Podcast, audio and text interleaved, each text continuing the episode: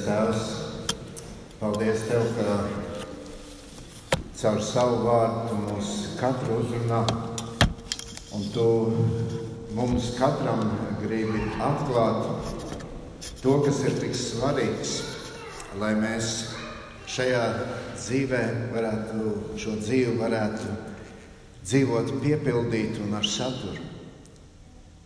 Paldies, ka arī šodien ir lietas, kuras tu mums gribi atgādināt. Un, uh, es gribu lūgt, lai mēs esam kā šie gudrie vīri, kurš, uh, kuri tavus vārdus dzird un pēc tam arī dara. Lai mēs neapstātos tikai pie tā, ko mēs dzirdam.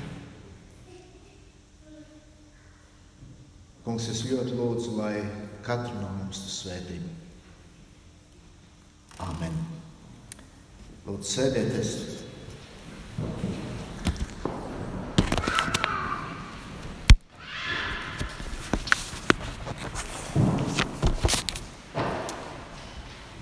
Mēs uh, turpināsim aplūkot Mateja evaņģēlīju.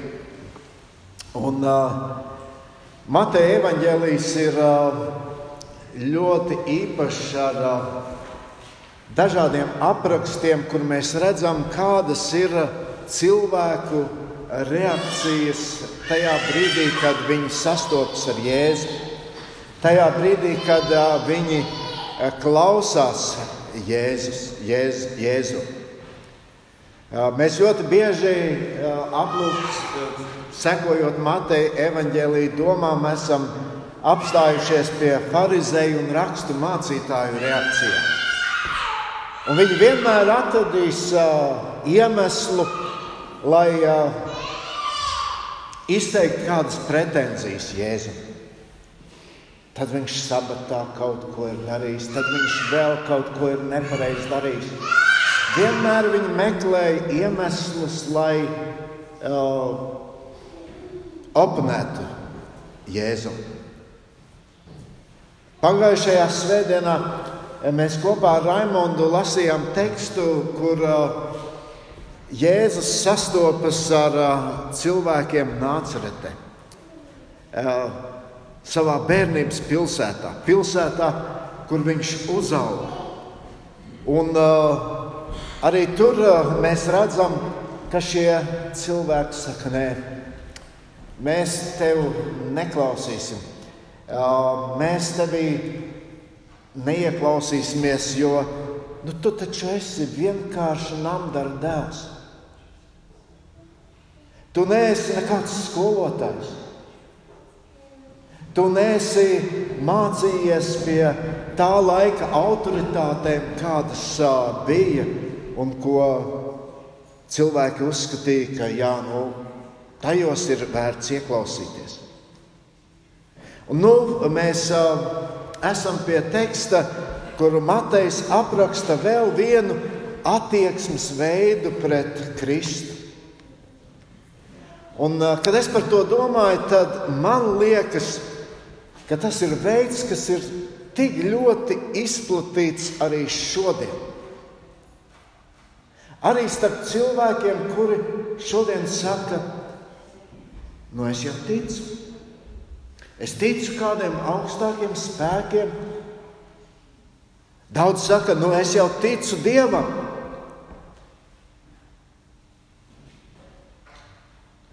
Daudz saka, es esmu kristietis. Es ļoti vēlos kaut um, šodien mēs šī Dieva vārda patiesības gaismā pārbaudītu katrs sevi. Lai mēs ļaujam Dievu vārdam kā tādam prožektoru staram izgaismot, iespīdēt mūsu dzīvēs un izgaismot mūsu dzīves. Mēs izlasīsim 14. nodaļas, Mateja evaņģēlīja 14. nodaļas, 1-12 pantus. Mateja evaņģēlijas 14. nodaļa, 1-12 panti. Tanī laikā zemes ceturtās daļas valdnieks Herods dzirdēja par Jēzu un sacīja saviem kalpiem: Šis ir Jānis Kristītājs. Viņš ir augšām cēlies no miroņiem, tādēļ viņš spēja tos brīnumus darīt. Jo Herods bija Jānis saņēmis viņa sējas un ielicis cietumā. Herodijs savu brāļa Filipa sievas dēļ, jo Jānis sacīja viņam, tas tev nepieklājas, ka viņa ir pie tevis. Un viņš to gribēja nokaut, tik baidījās no ļaudīm, jo tie viņu turēja par pravieti. Kad Herodam bija dzimšanas diena, Herodijas meita dejoja viņa priekšā, un tā Herodam patika. Tāpēc tas zvērēdams viņai solīja, viņš došot visu, ko tā lūkšot. Un viņa savas mātes pamācīta sacīja: Dod man šeit, bļodā, Jāņa Kristītāja galvu. Tad ķēniņš noskuta.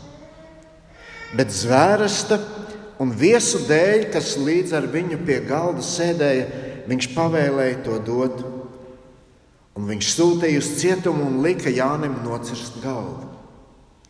Un viņa galvu atnesa bļodā un deva meitenei. Un tā to nesa savai mātei. Un viņa mācekļi atnāca, paņēma viņa miesas un apglabāja to. Tad tie aizgāja un pasludināja to Jēzum. Diezgan dramatisks stāsts, mēs varētu teikt, tāds īsts trilleris ar uh, diezgan traģiskām beigām. Tas ir uh, šajā stāstā ir stāstīts par cilvēku, kurš uh, Bībelē ir nosaukts par lielāko no vecās derības praviešiem. Jāni Kristītāji. Un arī šeit mēs redzam, ka ir kāda cilvēka reakcija, attieksme. Un tas ir uh, valdnieks Hērods. Interesanti, ka Bībelē ir diezgan daudz cilvēku ar šo vārdu Hērods. Es negribu visai tai vēsturei iet cauri, tikai pieminēšu, ka šis Herods, kas šeit ir pieminēts, tas ir viens no tās lielās valdnieku Herodu dinastijas, kura aizsākās jau pirms Kristus piedzimšanas, un arī vēlāk mēs ar šo vārdu sastopamies. Tā ir dinastija, kura bija ļoti varas kāra. Un vēsture stāsta, ka tur ir notikušas daudzas slepkavības, lai, lai tikai šīs dinastijas pārstāvjiem nebūtu vienam ar otru jādalās ar varu. Tur brāļi nogalināja brāļus. Tur uh, vecāki nogalināja savus bērnus. Tur bērni izrēķinājās ar saviem vecākiem. Tur precējās, tur šķīrās. Nu, bija diezgan tādas uh, samudžinātas attiecības šajā valdnieku ģimenē, Herodu dinastijā. Un uh, šis Herods, uh, kurš uh, ir šeit minēts šajā raksturvietā, Viņš ir tas, kurš nogalināja Jānu Kristītāju. Tas ir tas pats Herods, kurš tiesāja Jēzu. Un par šo Herodu varbūt arī vairāk šodien mēs domāsim. Šeit ir pieminēta Herodija. Arī ļoti līdzīgs uzvārds. Viņa bija Heroda brāļa Filipa sieva. Un, kā jau sacīju, tur precējās, šķīrās, Un Herods tad nu bija iemīlējies Herodijā, kura bija ļoti varaskāra sieviete. Nu, diezgan, ja mēs tā iedziļināmies, diezgan tāda jautra kompānija, vai ne? Bet uh, kāpēc Herods lika nogalināt Jāni Kristītāju? Kas bija tas, kas viņu uz, tā, uz to pamudināja? Un te mēs nu nonākam pie tās mūsu, varētu teikt, tās galvenās tēmas, kad mēs iedziļināmies šī cilvēka dzīvē, tad mēs redzam, ka Herods bija ļoti māņķīgs cilvēks. Cilvēks, kurš tad, kad tas viņam bija izdevīgi, vai eh, kad no kaut kā viņam bija bail, tad pēkšņi viņš pievērsās uh, jūdu uh, reliģijai, viņš kļuva par jūdu reliģijas piekritēju. Kādā citā reizē viņš varēja pielūgt citus dievus. Nepastāvīgs, māņķis cilvēks. Bet viena lieta viņam bija, viņš ļoti baidījās šos dievus. Un tad nāca Jānis Kristītājs, kurš sāka sludināt, un varētu teikt, no vienas puses, tas, ko Jānis Kristītājs sludināja, tas ļoti ieinteresēja Herodu. Bet no otras puses, tas viņu galīgi neapmierināja. Kaut vai tas fakts, ka Jānis Kristītājs Herodam sacīja, tas nav labi. Kad tu veido šīs attiecības ar savu brāļa sievu, tu pārkāp laulību. Tas nav normāli. Bet interesanti, Herods jau varēja vienkārši izreikināties ar Jānu Kristītāju tajā brīdī, bet viņš to neizdarīja. Viņš to uzreiz nenogalināja. Un tikai tad, kad apstākļi spieda to darīt, faktiski jau Herods pats sevi šajos apstākļos nolika, jo viņš apsolīja. Un viņam bija kauns solījumu nepildīt. Viņš taču nevarēja parādīt, ka ciena kādu tur jūdu pravieti. Un tad Jānis Kristītājam tika nocirsta galva.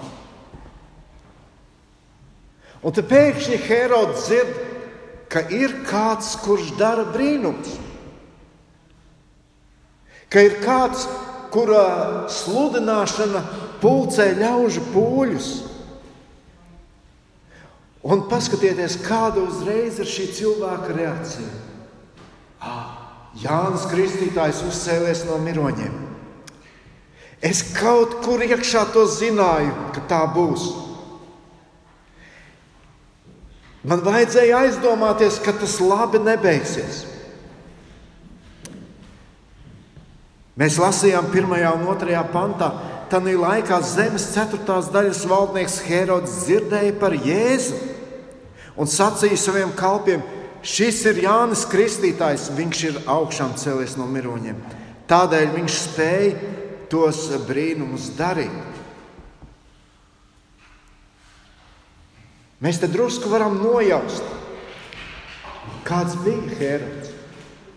Cilvēks, kurš dzīvoja šajos māņos, šajā māņticībā, kuru nepārtraukti pavadīja bailes. Un šīs bailes viņu dzima, dzina izmisumā. Visu laiku ir šī spriedze, visu laiku ir šī neziņa, šī neskaidrība. Marka evanģēlijā šis pats notikums ir aprakstīts, aplūkojot to drusku dziļāk. Un, un, Sestajā nodaļā, Marka evanģēlijā, 19. un 20. pantā mēs lasām, un Herodija jā, uh, Viņu ienīda, Jānis Kristītāja ienīda un gribēja nokaut Herodi, bet nevarēja. Kāpēc? Jānis bijās, eh, Herods bijās Jāni, zinādams, ka viņš ir taisns un svēts vīrs, un viņu sargāja. Un viņu dzirdēdams, tas bieži kļuva domīgs, un tomēr labprāt viņu klausījās. Interesanti, vai ne? Acīm redzot, šad un tad Hērods veda Jāni no cietuma pie sevis. Un Hērods sēdēja un klausījās, ko Jānis sludināja. Viņam patika to darīt. Bībeli saka, ka kaut kur jau viņš arī ieklausījās. Bet beig, beigās tomēr Hērods nogalina Jāni Kristītāju un kļūst arī par Jēzus nāves līdzdalībnieku. Cilvēks, kurš bijās no Jāņa Kristītāja, kuram patika viņā klausīties, kurš arī ieklausījās kādos viņa vārdos. Beigu beigās viņš kļūst par šī cilvēka slepkavu. Redziet, ja cilvēks kādu bīstas, klausās, Ja kaut ko viņš arī ņem vērā, tas vēl nenozīmē, ka viņš pilnībā uzticas tam cilvēkam. Tas vēl nenozīmē, ka tā ir viņa autoritāte. Tas vēl nenozīmē, ka viņš ir ticīgs cilvēks. Tas nenozīmē, ka viņam ir šī glābjošā ticība. Tāda cilvēku, tāda, tāda ticība šo cilvēku bieži vien aizved milzīgās problēmās. Kā mēs Reins lasīja šo Mateja evaņģēlijas 7. nodaļas tekstu, nams sabruka. Kāpēc? Ja tu tikai dzirdi, ja tu tikai varbūt māja ar galvu skaisti vārdi, bet tu to tu tiem nepaklausi. Ticība, kura nevar tevi izglābt. Ticība, kura tavam dzīves namam nespēja likt pastāvēt un nesabrukt. Tā ir mājiņticība. Parasti, kad cilvēki runā par mājiņticību, tad uh, tiek pieminēti dažādi ticēji. Nu, piemēram, melns kaķis pārskrēja pa ielu pāri. Ar mani nebūs labi. Es nevaru pirmais šķērsot šo līniju, un tad cilvēks apstājas un gaida. Un, kad kāds cits pāriet, tad sajūt tādu atvieglojumu, atvieglojumu turpina ceļu vēl pārspraut trīs reizes pār plecu, vai ne? Citi dzīvos, ba, dzīvo bailēs no skaitļa 13. Vienreiz esmu bijis Anglijā, bet pa Anglijas saka, es neesmu pārbaudījis, ka Anglijā nesot 13. stāvā. Pareizāk sakot, ir, bet 13. stāvs skaitās 14.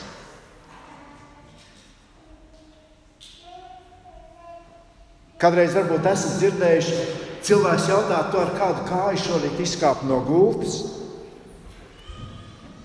Jā, mēs jau varam pasmieties par to, bet daudz cilvēku tam nopietni tic. Ziniet, daudzus elementus, līdzīgus elementus mēs varam sastapt arī kristietībā. Man stāstīja, kādās bērēs baznīcā izcēlās strīds starp mācītāju un starp kalpotājiem par to, kā tad tur ir jānoliek zārks ar mirušo. Vai krustam ir jābūt šim mirušajam priekšā vai aizmugurē?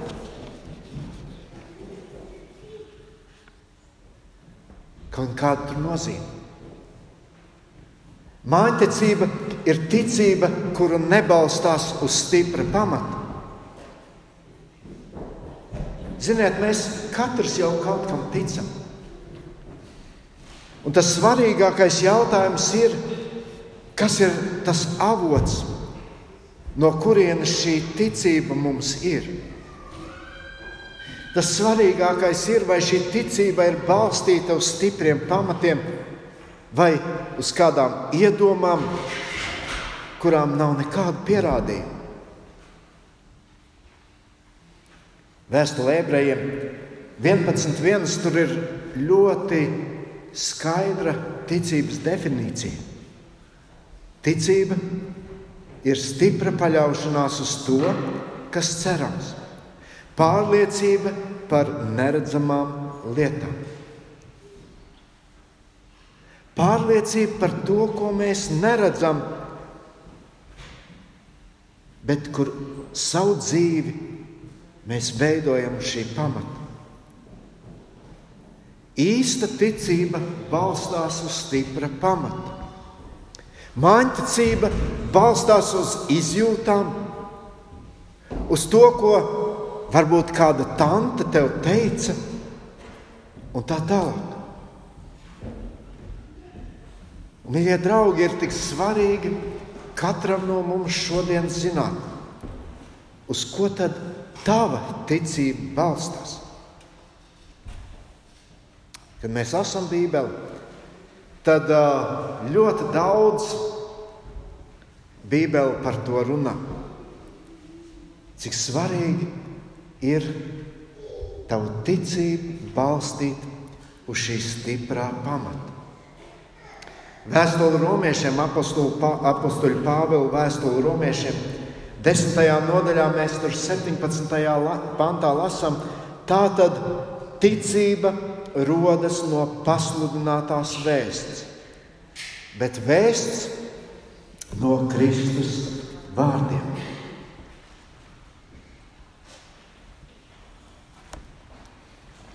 Kad mēs tā domājam, cik mēs tajā esam ieinteresēti. Kā tu šodien uztver Dieva vārdu? Vai tu nāc pie tā jau ar kādu konkrēto ideju, kas tev ir radusies, un tad tu meklē savai idejai apstiprinājumu? Vai tu tomēr meklē šo patiesību vārdā? Būdams gatavs arī kaut ko mainīt, ja Dieva vārds tev to atklāja. Redziet, tā ir šī atšķirība starp ticību un māņticību. Heroda ticība, jeb māņticība, balstījās viņa bailēs. Viņš ļoti labi saprata, Jānis Kristītājs ir pravietis. Viņš ir Dieva sūtīts. Bet tā vietā, lai viņš pieņemtu šo pravieša vēsti, viņš pats pieņem lēmumus, viņš pats aprēķina, kā ar šo situāciju tikt galā. Viņam patīk klausīties, un pie tā arī viss palika. Kā jau sacīja Bībelē, ir tik daudz runāts par to, cik svarīgi ir, kam tu tici un kā tu tici. Paskatieties, kā iesākas uh, Lūkas evanģēlijas, Lūkas uh, evanģēlija pirmie panti. Kad jau daudzi ir sākuši apkopot stāstus par notikumiem, kas norisinājušies mūsu vidū, kā tos mums ir atstāstījuši to pirmie atsliecinieki un vārda kalpi, tad visu no paša sākuma ļoti rūpīgi izpētījis. Arī es atzinu to par vajadzīgu. Tev, cienījamo Teofilu, secīgi izklāstīt, lai tu pārliecinātos, ka vārdi, kas tev mācīti, ir droši. Jau pašā sākumā Lūka rakstot evanģēlīju pasaka, ir tik svarīgi zināt, uz ko tu balsti savu ticību. Vai tavas ticības pamats ir drošs? Apostols Pāvils raksta otrajā vēstulē Timotejam, 4. nodaļā, no 1 līdz 4. pantam. Viņš saka, es tevi mudinu, sludini Dievu vārdu. Esi gatavs to darīt gan laikā, gan nelaikā. Atmasko norāja iedrošini ar neatlaidīgu pacietību un mācīšanu. Būs laiks, kad ļaudis vairs necietīs veselīgo mācību, bet savas iekāras dzīti pulcinās sev tādus skolotājus, kas glaimo viņu dzirdēju. Viņi novērsīs savas ausis no patiesības un pievērsīsies mītiem. Un ja mēs varētu šodien izsakot tā kristīgās baznīcas vēsturē, Vai tur mēs redzētu tādu buķeti ar to, no kā Pāvils brīdina? Ja mēs skatāmies šodien, ko tikai šodien nesludina, ar ko tikai šodien necenšas pievilināt cilvēkus, ir draudzes, kur Dieva vārdu šodien vispār nelasa. Ir draudzes un kristīgas draudzes, sevi, sevi viņi tā dēvē, kur Dievu šodien vairs vispār nelūdz. Kāpēc? Šodien cilvēki nespēja uzticēties Dievam. Dievam, kurš ir varants, Dievam, kurš ir ar autoritāti. Izraēla tautas vēsturē mēs lasām, Dievs tik dažādos veidos šai tautai atklājas. Un viņš izved šo tautu no Ēģiptes verdzības. Un liekas, kāds vēl pierādījums? Dievs ir tik varens un uzticams. To, ko viņš sola, viņš pilda.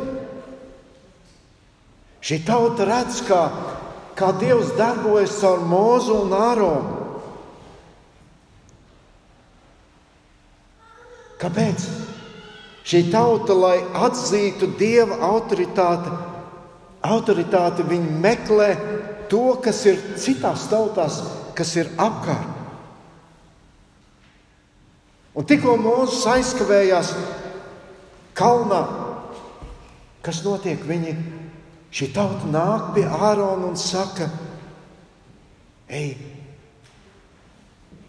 uztaisi mums dievu, kā ir apkārtējām tautām. Mēs redzam, visu laiku ir šis cilvēku un dieva konflikts. Bet tāpat laikā, un arī šodien mums ir šī izšķiršanās. Kas tev ir autoritāte? Vai Dievs, kurš runā šodien uz mums caur savu vārdu, vai tas Dievs ir tava autoritāte? Vai varbūt tava autoritāte ir tas, ko tu redzi sev apkārt? Apostols Pāvils Vēstulē romiešiem pirmajā nodaļā saka tā, zinādami Dievu. Viņi to nav turējuši godā kā Dievu, un viņam, viņam nav pateikušies, bet kļuvuši domās tukši, un viņu neprātīgā sirds ir aptumšojusies. Pazīt Dievu pazīt Dievu un viņu negodāt. Pāvils saka, tas ir nopietni. Tā nav ticība. Tā ir mājiņticība. Tālāk Pāvils saka šajā parma, pašā pirmajā nodaļā, apgalvodami, ka ir gudri tie ir kļuvuši muļķi un aizvietojuši neiznīcīgā dieva godību ar iznīcīga cilvēka un putnu un četrkājienu un rāpuļu līdzībā darināt tēlu. Tādēļ Dievs tos ir nodevis viņu sirds, sirdžu kārībā. Dieva patiesību tie apmainījuši pret meliem. Mīļie draugi, ir tikai viena patiesība. Un šo patiesību Dievs mums atklāja caur savu vārdu. Varbūt tev patīk klausīties Dieva vārdā, tāpat kā tas patika Herodam. Mums var patikt runāt par garīgām lietām, diskutēt par Dievu. Bet vai tu tik ļoti mīli šo patiesību, ko Dievs atklāja caur savu vārdu, ka tu tai pakļauj savu dzīvi?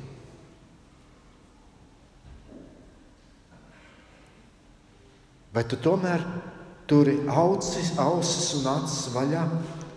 Un tik līdz kaut kur kas jauns parādās, tā uzreiz uz turieni. Un šodien visur var dzirdēt, Dievs man atklāja, Dievs man teica. Bet vai to apstiprina arī Dievs savā vārdā? Apostols Pāvils saka kolosiešiem otrajā nodaļā: Neviens lai jums nenolaupa uzvaras balvu.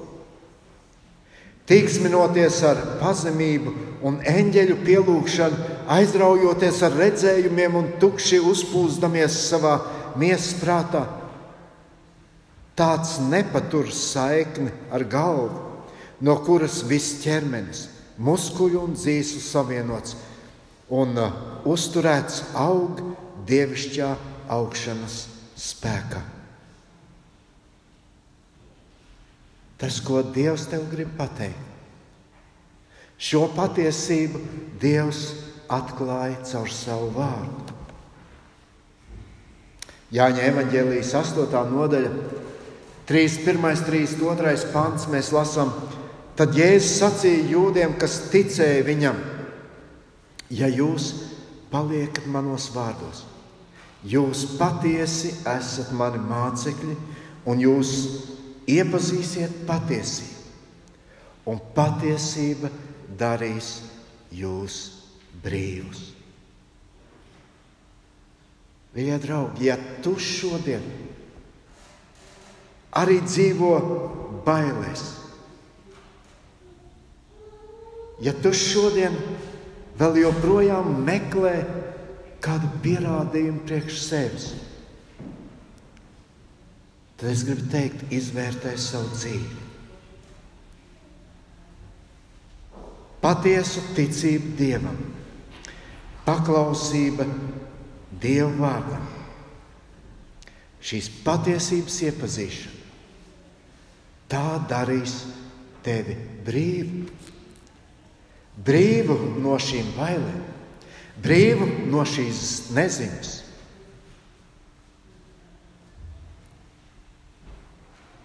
Tikai ticība dzīvam Dievam dod garantiju tavai nākotnē, mūžīgo dzīvību. Heroda problēma bija viņa augstās domas par sevi. Problēma bija, ka viņš nespēja paklausīt un pieņemt patiesību. Viņš bija gatavs tajā klausīties, viņš bija gatavs gudri par to runāt un to apspriest. Viņš pat sargāja Jāni Kristītāju no citu dusmām un atriebības. Bet viņš nebija gatavs šo patiesību pieņemt priekš sevis.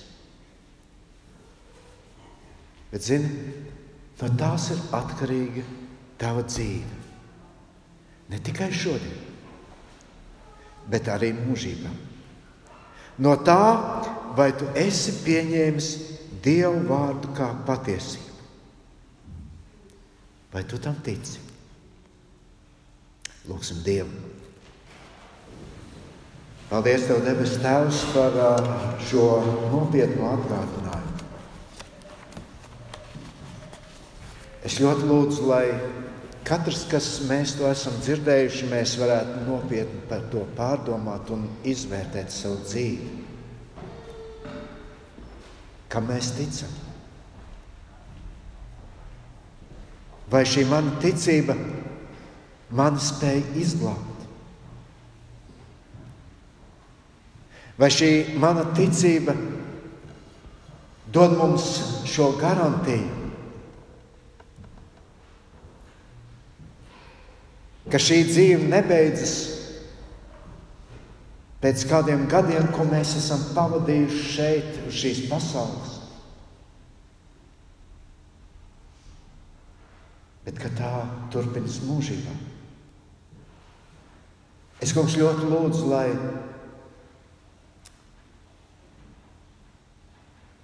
šī ticība vienmēr būtu manā dzīvē.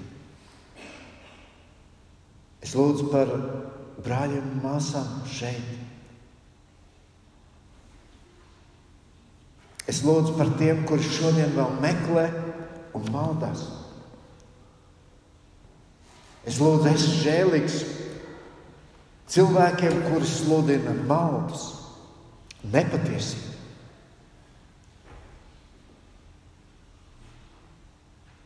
Kungs, paldies par savu vārdu.